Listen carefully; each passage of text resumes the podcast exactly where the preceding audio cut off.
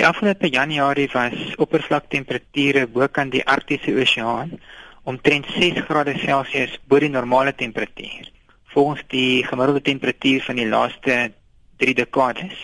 So ook was daar rekords ter sprake met die area wat bedek word deur seeys.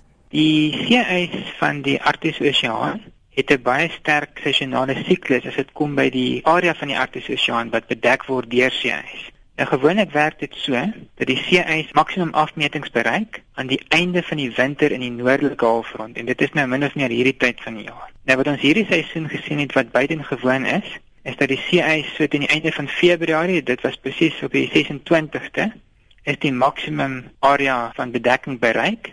En vind toe af het die seeys begin afneem in die area wat bedek word deur seeys En hierdie maksimum waarde wat bereik is, was min of meer 1 miljoen vierkante kilometer minder as die gemiddelde area wat gewoonlik vir hierdie tyd van die jaar deur seeys bedek word. 'n Rekord wat die kleinste afmetings wat nog deur seeys bereik is vir hierdie tyd van die jaar sedert ons satellietmetings teen terug tot in 1979. Nou gewoonlik hierdie tyd van die jaar begin die seeys dan geleidelik minder word en so teen September dan bereik die seeys sy minimum afmetings in die Arktiese Oseaan. Nou dit is baie moontlik dat ons hierdie jaar omdat ons nou reeds op 'n uh, minimum waarde begin in September ook 'n minimum waarde gaan beleef en dit is belangrik want ons sien wat hierdie September waardes van seeys betref oor die afgelope 30 jaar 'n beduidende afname. En hierdie afname word direk toegeskryf aan globale verwarming en klimaatsverandering. Wat is die langtermyn impak indien hierdie area wat bedek word deur seeys al hoe minder en minder raak, gaan daar 'n versnellende effek wees ten opsigte van klimaatsverandering en aardverwarming. Dit is inderdaad het seeys 'n effek op die hele aardstelsel se klimaat.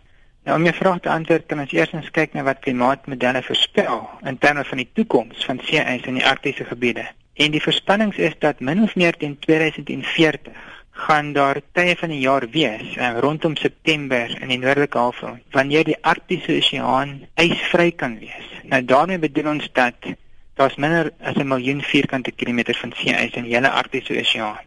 Min of meer 30 jaar terug was daar teen September elke jaar so 8 miljoen vierkante kilometer van die oseaan bedek deur seeys en vandag is dit al reeds af na min of meer 4 miljoen vierkante kilometer. So wat kan ons nou verwag veral met seeys wat 'n baie belangrike rol het om sonlig terug te kaats? Baie minder sonlig deur die seeys teruggekaats word in die ruimte toe en daardie sonenergie word dan eerder geabsorbeer deur die oseaan. So op daardie manier sien ons seeys het 'n positiewe terugvoer in terme van globale verwarming.